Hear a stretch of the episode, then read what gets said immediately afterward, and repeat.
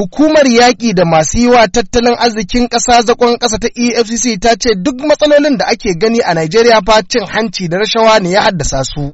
Shugaban hukumar ta EFCC Malam Ibrahim Magu wanda ke ganawa da manema labaru a garin Kaduna. Ya ce hukumar ba za ta iya yin wannan yaƙi da cin hanci rashawa ita kaɗai ba sai al'umma sun kawo mata ɗauki. Conviction da aka samu kamar last year 2019 an samu sama da dubu ɗaya da ɗari biyu da sha takwas. A wannan 2020 ɗin nan a nan this year from january to yau mun samu fiye da 48 convictions.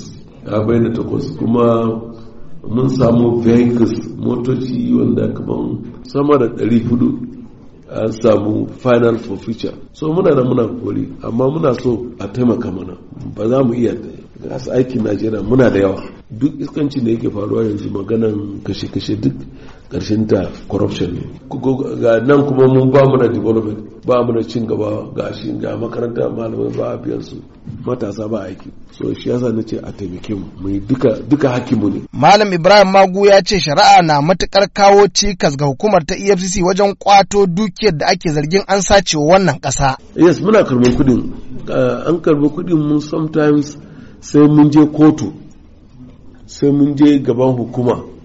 Kasan yadda hukumar take? Sai an ja kamar wannan kes nan na kwanaki. Sai da aka yi shakara sha biyu sannan muka samu conviction. Lokacin ya ɗauka mun tsaya sai kotu ta ba da umarni sannan za a yi abubuwa.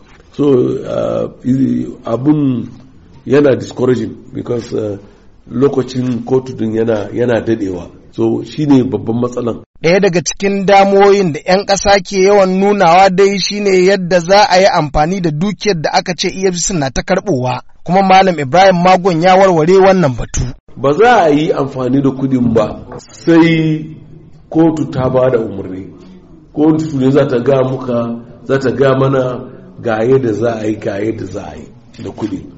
Sannan gwamnati ta samu kuɗin in kotu ce a ba gwamnati sai mu ɗauki kuɗin mu ba gwamnati sai amfani da ta.